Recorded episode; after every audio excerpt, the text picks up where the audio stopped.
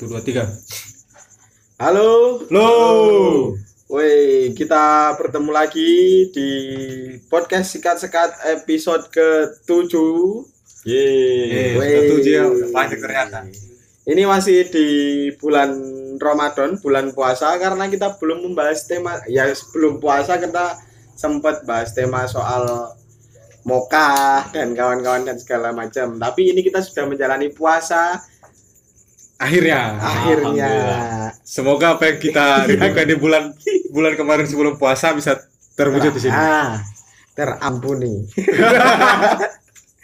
nah, tapi puasa kali ini seperti yang kita sempat obrolkan, mungkin kawan-kawan yang sudah mengikuti podcast kita dari awal kita bikin podcast, ada itu podcast episode ke berapa ya itu ya? Keempat. Atau-. Nah, episode keempat kita bahas kalau bahwasannya Ramadan kali ini akan beda. Ternyata beneran beda sekali dengan Ramadan-Ramadan sebelumnya karena kali ini kita harus dihadapkan dengan pandemi COVID-19 Hmm. Iya. dan emang kerasa beda sekali sih. Eh kalau dari teman-teman ada yang ngerasa paling beda banget gak di bulan puasa kali ini?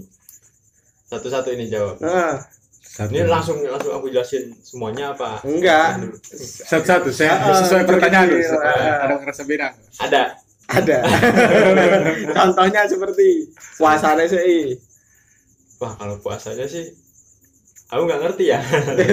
Enggak maksudnya suasana ah, suasana. suasana bulan puasanya itu sekarang lebih sepi. lebih sepi. Oh iya, kemarin kita sempet cari-cari takjil. takjil kan sepi. Nggak ada yang- Walaupun ya ada yang jualan tapi Ah. sepi. Enggak serame biasanya Hmm. gitulah. Kalau kamu Kalau aku kan udah dua tahun, tiga tahun ini ya baru ini puasa di luar ya. hmm. Yang Aku aku juga sama. ngerasa bedanya itu kalau biasa meskipun kita ada lah meskipun aku atau orang-orang lain jarang puasa tapi hari pertama tarawih itu selalu berusaha untuk ke masjid gitu Ah. Mm-mm. tapi kayak sekarang ya sebagai ya warga negara yang baik. warga Islam yang baik dan benar bukan warga negara warga Oke, Islam yang baik dan oke. benar ya aku mengikuti ya tidak berpikiran kalau Nah. ya namanya kalau di masjid kan otomatis kita berbaur banyak orang ya Nah, Ya, aku baik nggak- mencegah Lebih baik daripada mencegah daripada, daripada tidak mencegah. Ah, daripada tidak mencegah. Jadi aku memilih untuk eh, ya udah di di rumah di rumah aja, aja. di rumah aja Ah. daripada harus ke masjid dan ya kita bukan berarti suzon tapi ya bisa saja ada kan Ah. kayak Ya. kemarin yang di rumah sakit ada yang pasien yang nggak jujur akhirnya dokternya yang kena Sa- rumah sakit. Ah, Nah, itu gitu Makanya aku makanya itu. bedanya di situ gitu loh. aku bayangin nih ada yang nggak jujur, maksudnya dia nggak tahu itu. Kalau dia itu corona atau nggak jujur tidak. terus teraweh. Pegang-pegangan tangan. Bagian no sak sorry mau sing melu teraweh. Corona kabeh. niat untuk ganjaran mah untuk corona nanti dia nyeli umur urip nanti niat oleh ganjaran Eh, malah dosane itu sih yang beda kalau aku. Eh. kalau kamu pun Aku sih belum mulai puasa ya. Itu bedanya. oke Kalau dulu puasa sekarang ke puasa. Bangun tidur. kalau dulu puasa enggak dulu belum Ada. mulai. Jadi kapan kamu mau mulai? Nanti pada saat waktunya. Jadi nggak ada bedanya sebenarnya. Dari mana kita mulai? nah. Dari koran politik dong. Dari koran politik. Lenin. Nah, tunggu. Maksudnya tadi kan dia bilang belum mau mulai. Tahun Tapi lalu juga belum mau mulai. sulit-sulitnya Pas Ramadan itu terus Bedanya bedanya apa? apa, Bedanya dari bulan Ramadan yang tahun Ah, kemarin. yang tahun kemarin kemarinnya Oh. dulu kalau tahun kemarin sih cari makanan masih Gampang. gampang. Kamu Masih- tinggal masih- main masih- KRL ya? Tinggal main, tinggal main ke masjid atau KRL. Ya, masjid-masjid masih Nah. buka Hmm. buka bersama sekarang udah nggak ada ya kan ada cari gratisan juga sulit sulit. Jadi tukang beca aja. ah, nanti kan ada wong sing bagi-bagi sembako corona Karena kalau yang dari aku baca kemarin ya, itu bukan cuma di sini soal buka bersama itu dilarang. Di Mekah juga nggak ada buka bersama Nah, sekarang. makan ini Jadi itu yang beda, Bu. Itu doang. Soalnya kalau kamu bilang belum mulai sama aja. Tahun lalu juga kamu belum mulai. Dua tahun lalu juga belum mulai. Sik, sik, tapi aku ini mempertanyakan wae ya, bukan berarti menjudge orang-orang di Indonesia atau orang-orang di sekitar kita yang terawih ki salah atau gimana itu. Tapi neng Mekah terawih ora sih sini. Terawih. Terawih. Masih tapi terawih. Cuma belasan orang. Aku lihat fotonya di di Oh. itu. Tapi di sini masih rame. Nah, ini masalahnya gini tuh. Yang yang aku heran di orang Indonesia itu ada beberapa fatwa MUI seolah-olah menjadi wajib. Hmm. Misalnya fatwa MUI soal pacaran gitu. Hmm. Bahwa pacaran misalnya hara- ah, pacaran Valentine. Ah, Valentine katanya haram. haram. Tapi giliran fatwa MUI soal jangan tarawih, itu orang langgar semua. Banyak banget yang melanggar. Kok secara berjamaah gitu? Aku ya saya pandangan awam gitu loh, karena aku bukan kiai, bukan ulama. Hmm. Kok MUI udah ngelarang tapi kok masih ada yang tarawih? Udah memberikan himbauan gitu. Ah, Nah, itu apakah MUI makanya. udah nggak ada kredibilitasnya, udah nggak bisa terpercaya sebagai ulama? Memang Atau- sudah tidak bisa dipercaya Oh, sebenarnya. soalnya Ya, oh gara-gara Taman Sari pasti kamu Iya. bilang. gara-gara fatwa Taman Sari. ini. Nah, maksudnya kan antara kuwi apa masyarakat Indonesia wis kebal. Nah, Nah, itu. kecuali masyarakat Banten harusnya. Masyarakat Banten goloknya ora mempan. jamaah terus sana. Nah, itu makanya Tapi yang aku mau tanyain ya soal soal jamaah kuy, soal sholat tarawih kan mereka kan ngotot ke masjid itu buat berjamaah. Hmm, kan di rumah juga bisa padahal ya? Bisa itu makanya. Aku yang manfaatkan sumber daya manusia yang ada di rumah itu.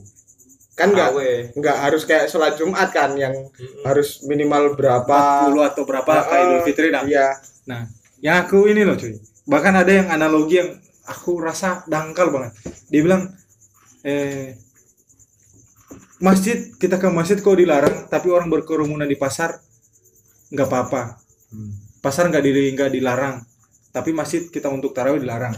Nah, kalau aku cuma mau bilang ya buat teman-teman yang ya ini logikanya bagiku aneh banget mereka ketika berpendapat begitu karena begini kalau masjid itu bahkan Allah bilang di mana saja itu bisa menjadi rumah Allah gitu loh Hmm. kecuali toilet Hmm. kan kamar mandi apa tetebengnya begitu iya atau kandang kandang ternak Hmm. tempat-tempat yang Ah, kotor kan tempat-tempat yang kotor nggak gitu bersih. tapi kan sholat bisa di mana aja kotor nggak bersih bang nggak gitu. sholat kan bisa di mana aja selagi dia suci gitu. selagi tempat itu bersih rumah bisa nah kalau pasar pasar itu membutuhkan syarat di satu tempat yang ramai Hmm. dan pasar nggak nggak kayak nggak kayak masjid Hmm. Nggak kayak rumah Allah gitu loh. Pasar memang harus di, di satu tempat itu di situ. jadi tidak apple to apple gitu. Nah Hmm. logikanya nggak masuk gitu Nah, kayak bahasan kita kemarin. Ah, bahasa kemarin Podcast kemarin. kemarin itu jadi pasar itu memang harus disediakan di tempat tertentu dan dan sebenarnya kalau bisa dibilang ya rumah Allah itu kan otomatis yang Allah cintai. Hmm. kalau kalau bisa dibilang pasar nggak usah dilarang atau Allah juga benci oh pasar kan Nabi bilang kan. Pasar iya. itu tempat penipuan banyak tempat perdebatan banyak. Tempat maksiat lah. Tempat kayak penipuan harga apa itu Nah. begitu tempat kreditan apa itu. Aku bilang kok logikanya ini yang dipakai itu loh? Hmm. Lah ya itu makanya. Maksudnya kan gini loh.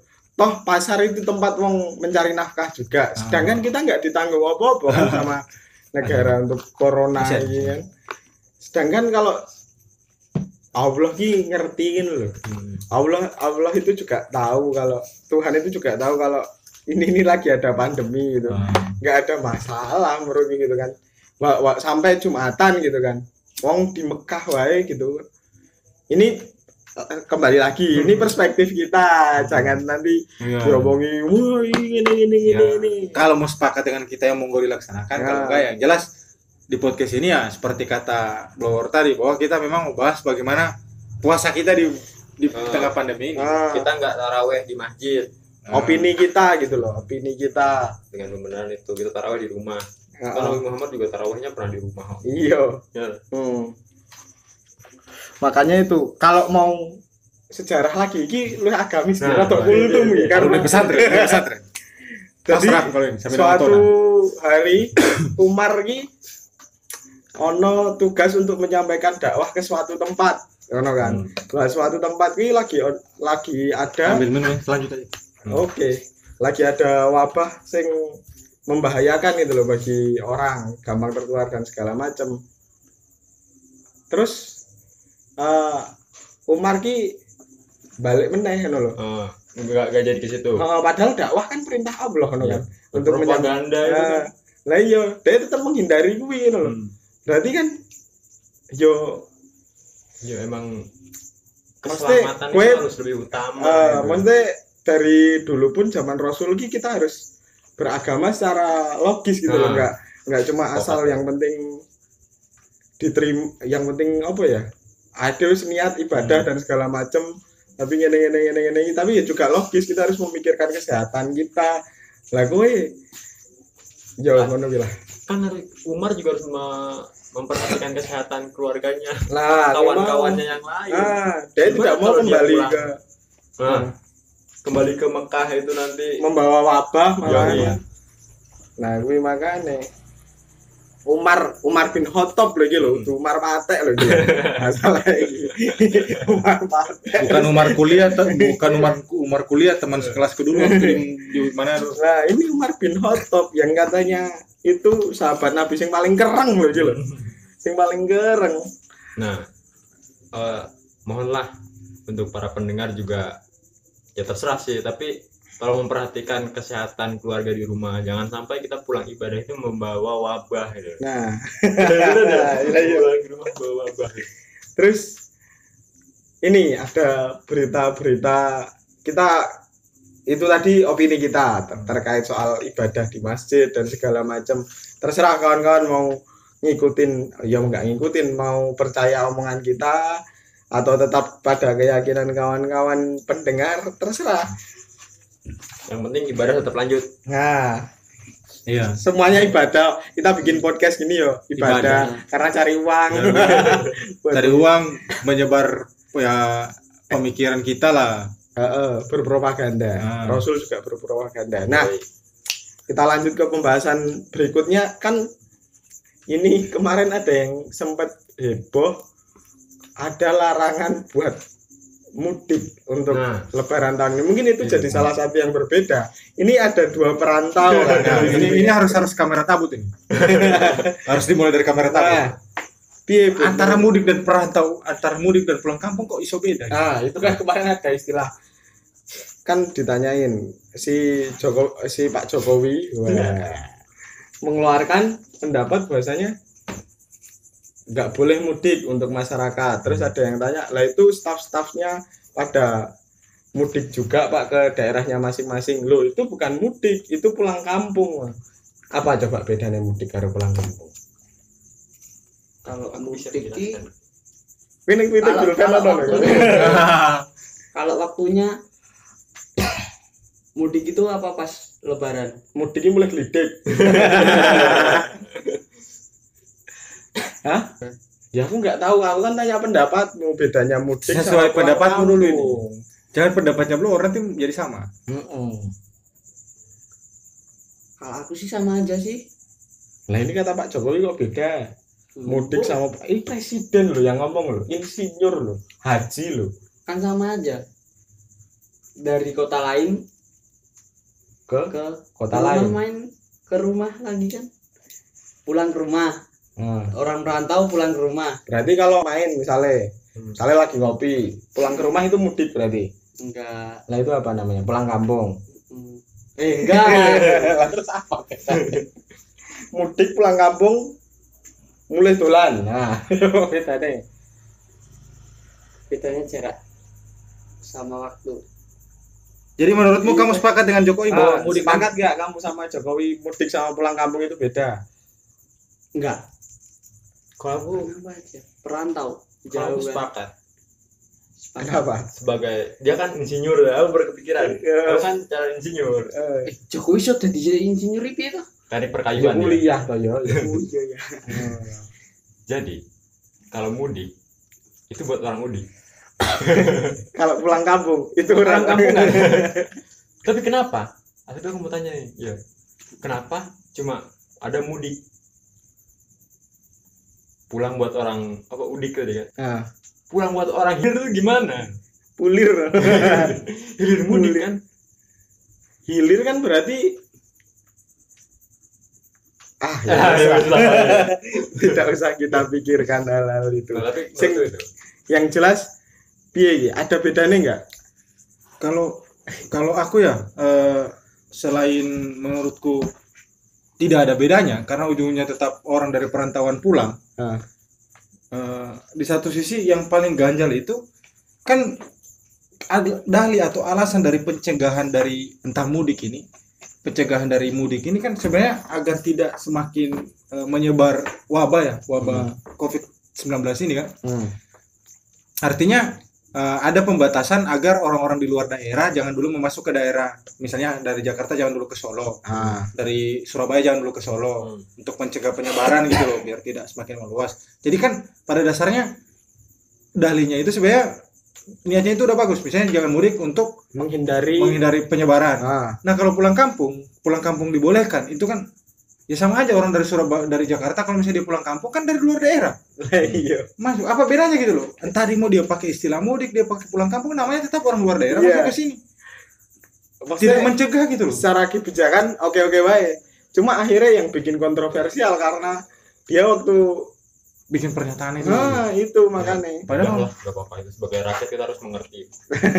Skarpil maksudnya yuk oke lah kita memaklumi mungkin Pak Jokowi luput ba- baca KBBI sebelum bilang itu kan Hmm. walaupun sih aku udah baca tweetnya JJ Rizal ya Hmm. dia menjelaskan tentang mudik apa TTBG dan banyak dan banyak udah- juga jelasin juga ya. soal mudik dan apa TTBG itu kan bahkan Jokowi di tweetnya tahun 2017 bahwa saya H, H plus 2 lebaran itu mudik untuk pulang kampung Hmm. nah kan bingung kan kan bingung Nah, itu Kita makanya. kampung ya maksudnya kan harus yo gimana yo Mau berat sebelah kan Hmm. maksudnya kan kawan-kawan di sini juga ada yang perantauan kita semua perantauan kita nggak boleh mudik tapi demo pulang Lah, kampung pulang Wah, aku ya sampai ngomong ke Saya nggak ibuku. Ibuku kan ngelarang aku pulang Manado ya. Ibuku bilang karena pasti bakalan dikarantina kalau orang-orang mudik. Ah. Ya udah Bu bilang aja aku pulang kampung bukan mudik. Tuh aku di di sini nggak ada kerjaan sama sekali gara-gara di rumah aja. Mungkin kawan-kawan yang di Solo juga sempat denger itu pernyataannya wali kota Solo kalau bilang kalau semisal Solo nggak akan PSBB gitu kan. Walaupun sekarang jadi zona merah lagi gara-gara ada 80 sekian orang katanya positif kan. Katanya sampai bilang nek semisal Jokowi mudik nggak bakal saya lima dia pasti bakal di karantina ah, bakal bakal saya karantina juga kan, selama 14 hari. Nah, itu loh maksudnya ya oke lah. Kita sampingkan persoalan mudik dan pulang kampung itu tapi itu loh. Tetap kan intinya dari pelarangan ini kan sebenarnya biar mencegah penyebaran. Nah. Kok ujungnya diizinin pulang kampung gitu? Loh Nah itu makanya. Maksudnya kan harus yo aslinya kita sepakat-sepakat lah dengan aturan untuk tidak pulang kampung atau mudik gitu lah. harusnya kan alasannya bisa pulang kampung karena udah nggak ada kerjaan di ibu kota. Nah, ya harusnya kalau udah udah kerjaan begitu kalau benar-benar pemerintah mau mencegah penyebaran covid ya disubsidi lah dia. Hmm. iya itu kasih makanya. makan kek. Karena yang sedang mengancam dunia saat ini itu bukan cuma soal corona. Kelaparan. Juga wabah wabah kelaparan Oh, ini Wabah Nah, kelaparan. itu kita bukan mati gara-gara corona malah busung lapar. Kan yo aneh malah. Itu makanya. Jadi tukang becak Iya. Beca yang nambah banyak Nah. beca siluman sekarang. Ini memang Banyak. fenomena fenomena di bulan Ramadan di tengah pandemi ini memang unik gitu loh. nah itu Lucu-lucu. makanya nggak ada yang jual takjil dan segala macam tapi katanya kemarin aku sempet dengar dari Bogi juga UMS ternyata masih ramai orang jual takjil katanya padahal kampus-kampus kan libur kan Nah, tapi nggak tahu ya mereka ya butuh makan ini sih kita yang terlalu parno sama corona atau orang lain terlalu nekat. ya. itu Iya, aku aja juga pernah ngecek lagi. Ya udah, aku aja mau cari makan. Ya kak, ya kalau dekat sini buka, beli dekat sini. Kalau Ah. enggak ya grab, makanya itu takut keluar gitu loh. mungkin kita yang terlalu parno atau gimana ya itu nggak Hmm. tahu lah tapi ini kita setelah tadi kita ngomong agak serius ini kita mau tanya pendapat kan ada dua kawan-kawan yang harus mudik jauh hmm. kalau aku sama Abud kan cuma deket aku cuma Klaten kene tok 18 kilo ning kontrak Abud ya nggak terlalu jauh kalian berdua sudah nggak mudik Lintas pulau. dua tahun Hmm. Is nggak Tiga mudik tahun. tiga tahun ini gimana terus Solo. kalau aku sih jadi gini Hmm. Anjir kayak story beneran ini. oh, ibuku itu udah nanya kemarin aku kan, sebelum rame-rame ini. Emang kamu nggak kangen kan nggak pengen pulang? Nah aku udah kepikiran buat mudik. Nah, tapi berhubung ada larangan ini dan ya aku juga sayang keluarga kan nggak mungkin dari Solo gitu yang emang zona merah ke sana takutnya aku malah bawa itu terus nularin ke keluarga kan nggak mungkin. Jadi mungkin aku bakal bertahan di sini sih. Setidaknya aku punya teman berarti nah berarti kita teman teman teman non mudik teman non mudik tapi aku bayangin bakal gabut banget ya. Nah itu. Mudik-mudik gitu kan. Di sini udah nggak bisa ke mana-mana. Kemarin terakhir update mau ke pantai ternyata pantainya tutup. Bangsat. nekat berdebut ya itu makanya pasti gabut banget buat orang-orang yang nggak mudik Nah. dan segala macam dan pasti nggak ada halal bihalal ya kita ya mungkin untuk kawan-kawan di Solo yang ada open house nanti bisa kabar-kabar Iya. corona Oh, iya. baik open Kalau- house mah social distancing lah iya jarak satu meter Nah. tapi kita yang penting Yang penting ada ketupat. ya yang penting makanannya Mak. kalau aku ya eh, aku mungkin nggak tahu ya apakah ibuku udah bosan minta-minta aku pulang tapi gak pulang-pulang atau bagaimana? Bukan nggak pulang-pulang kamu setiap ayah pulang kamu di penjara. Ah itu ya maksudnya apakah ibuku udah bosan gitu loh? Dia udah pengen ketemu tapi ya kemarin dua tahun berturut-turut ada raya ada halangan. Ya tiba-tiba pas aku telepon kemarin kan aku kan kemarin itu ya bilang aja ma aku karena adikku yang dua kuliah di Jogja Hmm. satu SMA yang bukan kuliah nih satu SMA di Jogja satu kuliah di Jogja itu kan udah pulang pada pulang kampung sebelumnya. Ketika aku telepon ma aku pengen pulang minta minta kirimin uang tiket gitu loh. Ibuku bilang pulang. Ibuku bilang gak usah pulang nanti kamu malah dikarantina telat pulangnya. Karena ibuku menurut dia kalau aku pulang jauh hari sebelum ini misalnya Januari atau Februari kemarin itu masih masuk akal gitu loh. Hmm. kalau aku pulang sekarang misalnya aku kan bilangnya pertengahan puasa aku pulang. Nah dia bilang gak usah pulang karena ujungnya kamu bakalan dikarantina 14 hari gitu loh. Jadi gak bakalan ke rumah. Nah malah dia menyarankan aku ke aku apa nikah aja di sana. Biar ada yang ngejagain kamu gitu loh. Hmm. jadi kamu udah ada keluarga di sana gak kangen kangen mau gak kangen gak, gak perlu kangen kumpul keluarga. Ya sinewi musir deh oh musir halus. jadi malah malah ibuku mungkin aku nggak tahu apakah dia frustasi tapi aku pikir memang ya dia sih selalu bilang pengen ketemu pengen ketemu. Cuma di saat kita udah janjian mau ketemu aku dicekel polisi. Hmm. nah, nah ini yang yang ya. Di saat kita mau ketemu lagi negara tidak Nah. memperbolehkan. Nah, Pak polisi gara-gara kalian aku sering jarang pulang kampung. Sekarang corona. Giliran sekarang kalian nggak nggak nggak cari gara-gara sama aku corona yang cari gara-gara. Corona sama polisi. Nah itu makanya. Makanya jalan terbaik dari dia karena aku bilang mah tapi aku pengen kumpul-kumpul keluarga gitu loh. Hmm. nah malah dia bilang ya udah kalau kangen kumpul-kumpul keluarga kamu bikin keluarga aja di sana. Nah, nanti mama bantu-bantu dari sini. Karena aku bilang aku belum kerja. Aku bilang kan kuliahku juga masih tersendat-sendat ini mak ya aku pengen eh, kumpul keluarga ya udah kamu bikin keluarga aja di sana nanti selama belum kerja nanti mama bantu bantu. Ya Allah ini apakah ibuku udah frustasi atau bagaimana? Aku hanya bisa menyalahkan ya. Mau tidak mau aku bilang harus yang salah pak polisi ini. Karena pak polisi menghalangi aku mudik dulu. Dua tahun loh aku kalian tangkap kalian penjarakan. Adikku udah sekitar enam kali pulang kampung selama tiga tahun terakhir. Aku nggak pernah pulang kampung itu sih kalau Jangan aku. kan kalian gitu kan yang jauh-jauh. Aku selama berapa bulan nggak pulang di sini terus. aku ada info terbaru. Apa? tadi aku baru baca. Ada yang tetap ada yang mudik. Hmm. naik bis. Iya. tapi nggak di atas. Nggak nggak di kursi. Di bagasi. Oh Ya, itu. untuk- untuk mobil untuk pribadi mengal- mengalami mengalabui. Di bis tapi kalau ada penjagaan gitu nah mereka masuk ke bagasi dulu nanti dicek kan kalau udah lewat cek itu baru mereka pindah lagi ke atas Bagasi kan panas banget. ya mungkin cuma Nekat. nekat demi demi pulang kampung kan Misalnya supir lali. Oh, ini tekan sulit sama penumpang. Astagfirullah. soalnya aku punya pengalaman dulu bawa ayam di bagasi mati semua di apa alas roban Apa iya? dari Solo ke Subang gitu Apa di iya? alas roban modal Lunding dari Batang. Ya, Di itu. ora di alas roban kok masa jadi batang kan Bat- alas roban itu kan Batang. Kan aku karena yang batang Heeh, aku pernah Iya, lihat iya. neng gue ya. dari batang Coba Javanika. berarti beneran jadi batang nih Hmm. maaf untuk kawan-kawan batang yang dengerin bercanda kita aja yang nggak tahu jalan Terus apa ini rencana yang bakal kalian lakukan kalau kamu kamu ngusulin ke aku itu ke mana? Pantai? Ke pantai Nah, tapi pantai tutup. pantai tutup. Nah itu kita mau lebaran di mana ya open house tadi loh. Oh iya jadi kawan-kawan ya kalau aku sepakat sih sama su untuk kawan-kawan yang ada di luar ya tolonglah untuk open house dibuka selebar-lebarnya untuk kami-kami yang anak yatim piatu hidup ini. Yatim piatu hidup kenapa ya? Karena memang orang tua kita masih hidup cuma ya kita di perantauan yatim piatu untuk kawan-kawan yang nggak muslim juga nggak apa-apa lah. Gak apa-apa lah, yang penting open house. Tapi ada kayak gini fenomena kayak gini. Kayak aku kemarin terakhir pulang kan eh, satu bulan yang lalu ya.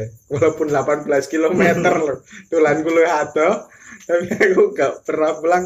Waktu pulang sing jenenge salaman ibu kurawani aku ngasih ke sekolah teko omah. Turu tangi mulai rene ora dijak salaman Bray. bangsat sekali. Makanya itu. Dan kalian tuh neng kono ya bodoh iya. wae soyot nih malah. Ini ora dikai pintu ya? Lah makanya anak-anak bodoh. Nah, Aku ya wediku mulai dikarantina, Cek. lah kan wis mulai ping piro-piro? Ora dikarantina. Tapi iki panas, lho, Cek. apa nih panas Ayo, hawanya itu panas iya panas. panas Lah apa hubungannya? Enggak soalnya di, di kampungnya dia Daerah dingin. enggak orang sakit mata aja di karantina karantina apa tuh? Heeh. Karena kan sakit mata ora iku gejala corona Ya tapi di karantina.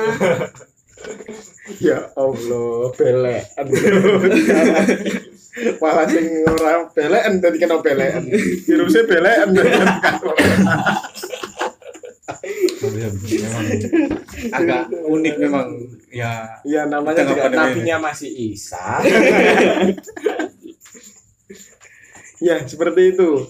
Mungkin eh apa lagi yang bakal kita omongin lagi nih puasa dengan corona ya apa? Ya itu sih. Tolonglah. Corona ini rada berkemah tadi waktu akhirnya kita harus mengorbankan banyak waktu waktu. gitu kan dengan keluarga yang harusnya kita enggak eh, gini. setiap bulan puasa. Ini bukan cuma soal mudik sebenarnya. Nah, dulu itu aku sebelum sebelum Ramadan dan sebelum Corona itu aku pikiran wah aku kan tukang sablon juga gitu kan. Nah ini kalau bulan puasa nah ini pasti pesanan naik gitu kan. Nah, mumpung itu ini biar- berarti aku harus ngomong kalau ini. Nah, naik nih. Ya lumayan lah pasti bakal dapatnya lumayan. Eh kayak gini. Nah makanya itu. Itu sih kawan-kawan. Ya aku sepakat sama su. Ya kita ya aku juga sebagai si walaupun nggak tahu nyablon gitu cuma sering jualan kaos. Ya. Orderan jadi sepi. Orderan jadi sepi gitu loh. Karena yang biasanya beli ada yang di PK, di PHK kan. Nah. Ada yang dirumahkan gara-gara pabrik alasannya mau bangkrut. Ada yang nggak dirumahkan tapi gajinya dipotong. Nah, yang dirumahkan tapi gajinya dipotong. Jadi ya kawan-kawan yang beli juga mikir dua kali kan daripada Nah, buat beli baju itu mending buat mending makan. buat beli beras. Beli beras. Iya. kita nggak menyalahkan kawan-kawan dan segala macam ya. Tapi kalau udah kerja lagi atau gajinya udah stabil lagi nanti beli baju lagi. Beli baju Ya, lagi. tapi ya kalau- ada sekarang kan zakat zakat fitrah katanya bisa disumbangkan untuk oh, pencegahan virus corona ya. Hmm. kan kemarin yang MUI bahas itu aku baca di berita ya bagaimana kalau mereka sumbangin nah itu. Ya belilah Corona. kaos kaos kita. Nah, sisi baik corona untuk kita ya kita jadi dapat bahasan. Itu tok lihatnya ra rano eh? Karena ya aku beberapa kemas kebetulan semalam aku jalan-jalan kan tanya ke tukang beca Hmm. ya karena mau tidak mau mereka harus tetap kerja gitu loh Hmm. karena kalau mengikuti saran pemerintah cuma di rumah aja sedangkan mereka cuma berharap ada solidaritas rakyat yang membantu mereka yang yang nggak pasti ya maksudnya Ah. walaupun ada memang solidaritas aktif di mana-mana tapi kan kawan-kawan solidaritas juga kan tidak bisa menjangkau gitu loh sampai sampai seluruh daerah Ah. bisa. akhirnya mereka bilang daripada kita di rumah aja dan mati Hmm. mending kita adu nasib di jalanan tuh corona kemungkinan besar tidak mendekati kita selain kita cuci tangan. Hmm. tapi kalau seandainya kita diam di rumah aja peluang besar untuk mati ada. Kelaparan. Kelaparan. Nah itu jadi artinya mereka pilih win apa ya bagaimana cari solusi yang agak sedikit mengurangi resiko kematian gitu loh. Hmm. jadi tetap bekerja dengan cara ya di safety safety aja se- dengan Nah. alat seadanya gitu loh. Cuma kan ya emang emang resikonya lumayan besar sih karena mereka harus bertemu dengan orang banyak dan segala macam. Tapi yo mau gimana lagi gitu kan. Tapi kemarin gue sing mau beritanya por atau sih? yang katanya pemerintah mau ngasih subsidi 600 ribu apa kemarin siapa sih yang cerita ke aku? Aku belum baca beritanya sih. Katanya mau ngasih subsidi 600 ribu. Itu buat sampai corona rampung gue biar orang ngerti sih aslinya mah aku aslinya tidak berharap sama sekali sama negara. Cuma kalau negara masih tahu diri karena kita bayar pajak dan kita warga negaranya cobalah utamakan dulu kesehatan rakyatnya keselamatan Hmm. keselamatan hidup rakyatnya. Kan negara banyak kas gitu loh daripada cuma Nah. dibuat proyek prakerja dan gaji staf khusus itu itu. mending buat buat subsidi rakyat aja gitu loh. Nah, gaji Tapi- potong ke. setelah ada corona ini aku baru sadar. Ya dari, dari kemarin-kemarin sadar sih tapi makin sadar sekarang ini soal dogma bahwa negara kita ini kaya raya gitu. Ternyata Nah. negara kita miskin. miskin anjing. Kue bantuin rakyatmu ya raiso loh makanya itu. Nah miskin sebenarnya kita. Maksudnya kayak saya mungkin secara sumber daya alam kaya Ah. lah ya. Tapi yo ya lah. Tapi kalau yang bilang ya, aku sepakat. Karena apa? Dibandingkan sumber daya alam yang ada di Vietnam dengan yang ada di nah Indonesia itu, tapi ya iya. Indonesia nah, lebih iya. banyak. Tapi kok kita untuk menjamin kesehatan rakyatnya atau keselamatan hidup rakyatnya itu kalah jauh. Vietnam udah nol. no, nah dan, dan pas karantina pun mereka memperhatikan Iya, bukan bagi-bagi sembako busuk. Iya. oh kalian komunis ya Bukan masalah masalah penyakit itu tidak men- tidak tidak mengenal komunis atau tidak, tidak Ah. mengenal ideologi. tidak Siapa- mengenal keimanan seperti yang kita sampaikan di podcast pertama tapi walaupun nggak mengenal ideologi ya Hmm. tapi kan yang akhirnya sembuh sembuh dulu Negara komunis. negara komunis Aku heran itu cuy. Padahal di Indonesia, Vietnam. aku aku agak hargai. Aku tahu di Indonesia ada tap MPRS gitu loh yang melarang ideologi komunis. Cuma yang aku pertanyakan itu, kan dari kecil aku diajari bahwa komunis itu ideologi terlarang di Indonesia. Hmm. Karena komunis membantai tujuh jenderal, Hmm. wah jahat sekali Hmm, berarti menyebabkan menyebabkan eh, peristiwa berdarah tahun 65 wah kudeta kan. sekali berarti Tapi kok pas corona ini gitu loh. Aku heran Kuba bahkan nekat banget dokter-dokter mereka ah Mungkin itu ke mungkin Itali, ya. hoax dari asing itu mungkin itu aku heran gitu aku kok kayak sering bertanya-tanya jadi aku jadi memposisikan aku kayak Nabi Daud gitu loh maksudnya bukan berarti aku Nabi Daud aku memposisikan ketika Nabi Daud mencari Tuhannya kan berawal dari dia bertanya-tanya Hmm. ini bintang siapa yang ciptakan? Bulan siapa yang ciptakan? Langit kok bisa berganti siang dan malam? Gara-gara kritis ya? Oh, tapi kalau di Indonesia masalahnya kalau kita mempertanyakan itu diciduk cuy iya gue kritis di sini wah bahaya nah melawan kapitalisme itu nggak boleh di sini Nah. penjara nah yang aku takut kalau Nabi Daud kalau Nabi Daud ya. itu dulu hidup di Indonesia diciduk diciduk dia cuy. Karena dia terlalu kritis. Dia Nah. berani tebang apa itu cuy? Berhala itu. makanya itu dia sampai mempertanyakan Tuhan kan? Nah, seorang nabi loh mempertanyakan Tuhan nggak apa-apa sama Allah oh iya dan biasa aja malah jadi orang apa dia. nah, Jadi makanya- sebenarnya teman-teman meskipun dibungkam bagaimana, kalau aku ngambil kesimpulan baiknya, teman-teman meskipun mau dibungkam bagaimana, kita belajarlah dari Nabi Daud. Nekat, Hmm. harus kritis. Kalau enggak, nggak akan ada perubahan. nah makanya itu Kan Berarti- memang harus seperti itu yang dilakukan gitu loh. Kalau seandainya ada gitu loh, aku pernah baca tweet dan aku sepakat dengan kata-katanya. Kalian apa nggak bosan kritik-kritik pemerintah gitu loh? Hmm. Apa nggak bosan demo-demo terus? Ya aku mau tanyakan balik lagi. Kalian apa nggak bosan ditipu-tipu terus?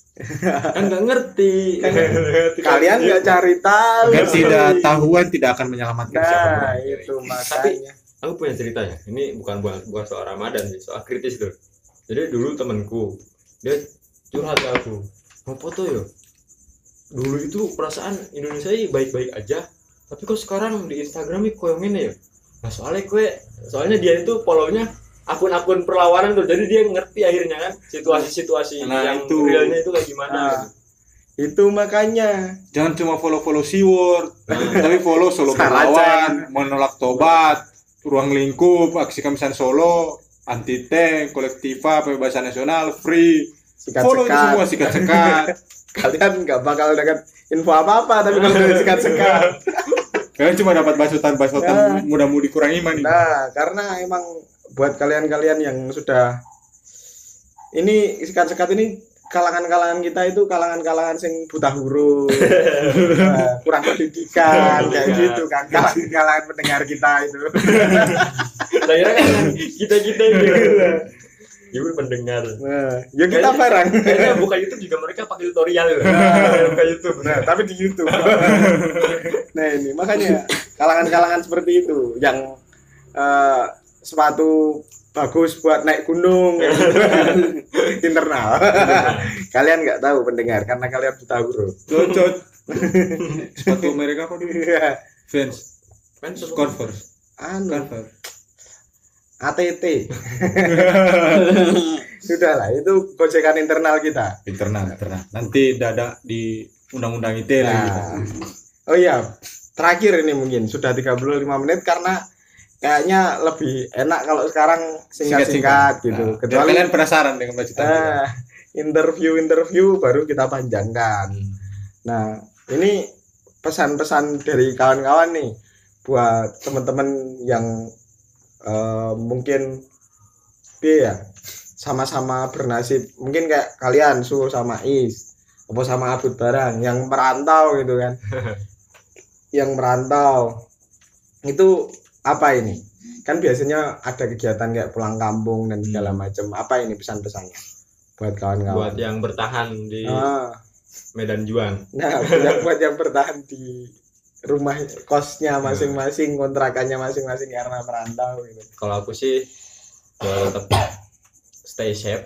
Aja. Jaga kesehatan. jaga kesehatan terus juga gampang lah yo walaupun sekarang kita keuangan juga kan Hmm. tergoncang gitu kan Tersendat-sendat, ya. tersendat-sendat tapi ya saling bantulah saling bantu tetap, tetap berkabar kalau sakit ada apa-apa kan bisa ngabari temen-temennya yang lain kalau ada masalah kayak nggak bisa makan ya walaupun kita nggak bisa berharap sama negara Hmm. ya komunikasilah sama kawan-kawan Saling bantu. saling bantu itu sih Hmm. kalau aku Ya.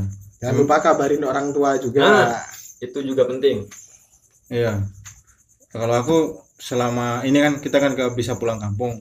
Ya, aku pesan ke kawan-kawan bukan berarti kita durhaka ya, cuma memang kita mencegah. Aku nggak tahu apakah aku atau ibuku atau keluargaku yang di rumah yang ada eh, wabah ya, tapi aku mencegah aja biar tidak saling menjangkiti toh. Aku masih bisa ketemu, masih bisa ketemu mungkin di lain hari. Semoga sehat-sehat. Eh, Amin. dan benar buat kawan-kawan yang masih ada di kosan, jangan malu gitu loh. Jangan malu kalau memang kekurangan Hmm. ya bisa lah untuk setidaknya cerita jangan malu cerita-cerita sekarang siapa tahu kita bisa bantu-bantu untuk misalnya aku nggak bisa tapi aku bisa kontak yang lain oh ini ada temanku Hmm. kelaparan di kos Hmm. atau kekurangan bahan makanan karena ibunya juga misalnya tidak bisa bekerja lagi kan Hmm. di kampung nah karena cuma itu sih yang bisa kita harapkan sekarang kalau aku hanya di solidaritas sesama rakyat ya Oh. solidaritas sama rakyat yang bisa menyelamatkan kita sekarang untuk saling mengingatkan bukan berarti kita mengurangi eh, apa menjadi malas-malasan tapi memang sekarang ya harus diakui semua terbatas sekarang kita juga merasakan gitu Hmm. bahwa penghasilan sumber keuangan jadi sangat terbatas banget Ya. nah selebihnya tetap ya ibadah itu sudah menjadi hak prerogatif orang-orang ya Nah, dan hak prerogatif Tuhan untuk menilai ibadah itu sah atau tidak. Uh, teman-teman, bukan berarti aku menghalangi kawan-kawan untuk ibadah di masjid, tapi pikirkan uh, ibadah tidak mesti mengorbankan kesehatan kita. Memang benar kata Tuhan ya, kata Tuhan beribadah harus uh, harus diprioritaskan, tapi jangan lupa juga kesehatan. Kalau seandainya kita nggak sehat, udah susah kita beribadah. Jadi ya kalau memang tidak memungkinkan dan memang apa ya ya untuk sementara di rumah aja dulu gitu toh ibadah di rumah bisa rame-rame Nah, itu. di, di rumah masih bisa tarawih bareng-bareng kan itu sih kalau Rak. Put, ada pesan-pesan enggak? tetap fokus puasa tetap fokus puasa bagi yang berpuasa. Lah sing ora mudik. Rumahku Iya, open house. Omahku open house. Tenan ra. tapi di karantina. 14 dino sih. Mangan kumpate bar 14 dino. busuk. Cuy. Oke, mungkin itu podcast episode ke-7 kali ini Eh, masih kita buka buat kawan-kawan yang pengen kontribusi karyanya berupa tulisan, gambar, puisi atau apalah segala macam kirim ke email si- Sikat. sikat-sekat.media@gmail.com kita tunggu sampai tanggal 15 Mei oh iya dah. Iya, 15 nah 15 Mei kita tunggu kawan-kawan untuk mengirim email nanti kita akan muat di buletin edisi kedua kita. Eh, oke mungkin itu aja yang kita bahas di podcast kali ini. Sampai bertemu di perjumpaan kita selanjutnya. Salam. Olahraga. Salam, minal aidin wal faizin. udah lagi nol faizin?